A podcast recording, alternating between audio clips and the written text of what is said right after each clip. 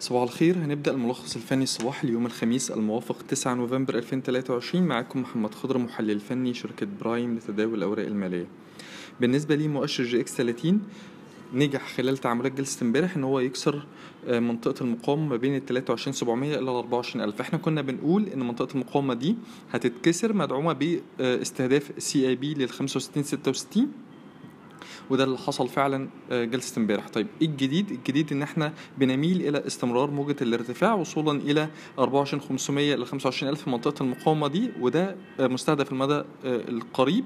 وممكن على المدى القصير تستهدف يستهدف مؤشر EGX 30 مستوى المقاومة الهام عند 27000 وده اللي مش بنرجح اختراقه على المدى القصير والمتوسط المدى.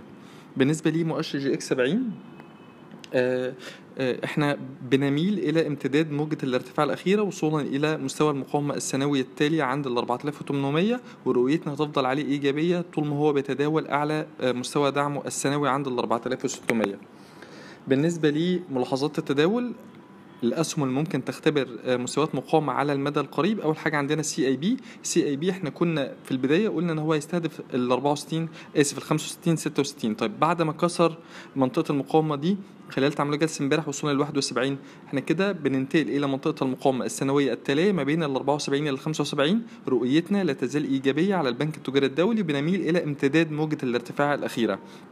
تاني حاجة عندنا هي زهراء المعادي اللي أكد كسرة السبعة جنيه عشرة. وإحنا كنا بنتكلم على زهراء المعادي آه، بطريقة إيجابية وقلنا إن ارتفاع حجم التداول آه، وصولا إلى خمس خمس أضعاف أحجام متوسط أحجام التداول ثلاث شهور اللي هو وصل آه، خلال تعاملات جلسة أول امبارح ل 30 مليون سهم. ده بيدعم اختراق منطقة المقاومة بين الستة 90 ل 7 جنيه 10 واستهداف 7 جنيه 80 إلى 8 جنيه. إحنا بنأكد على رؤيتنا الإيجابية لزهراء المعادي وإمكانية امتداد موجة الارتفاع. وصولا إلى 7 جنيه 80 إلى 8 جنيه. دي منطقة المقاومة الأولى تاني منطقة مقاومة ممكن يستهدفها ما بين ال 8 جنيه ونص إلى 9 جنيه. أما بالنسبة لي ملاحظات المدى القصير الأسهم ممكن تختبر مستويات مقاومة على المدى القصير. أول حاجة عندنا أجواء اللي بنميل إلى استهدافها لمنطقة المقاومة بين 26 ونص إلى 27 رؤيتنا عليها إيجابية. تاني حاجة عندنا القلعة. بالرغم من التراجع اللي حصل آه، خلال تعاملات جلسه امبارح في سهم القلعة لأن رؤيتنا لا تزال إيجابية تتمثل تلك الإيجابية في إمكانية استهدافها لمنطقة المقاومة بين 2 جنيه 90 إلى 3 جنيه.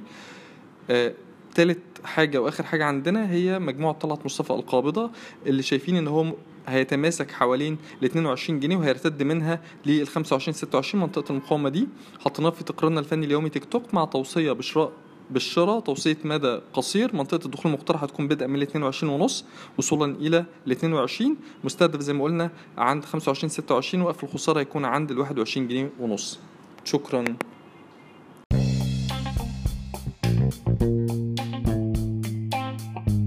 يرجى العلم أن هذا العرض هو لأغراض معرفية فقط، ولا يمكن اعتباره عرض أو توصية شراء أو بيع أو إدارة استثمارات أو خدمات استشارية. ينصح باستشارة مستشارك المالي قبل اتخاذ أي قرار استثماري، علماً بأن الأداء التاريخي ليس مؤشراً يعتمد عليه لتحديد الأداء في المستقبل.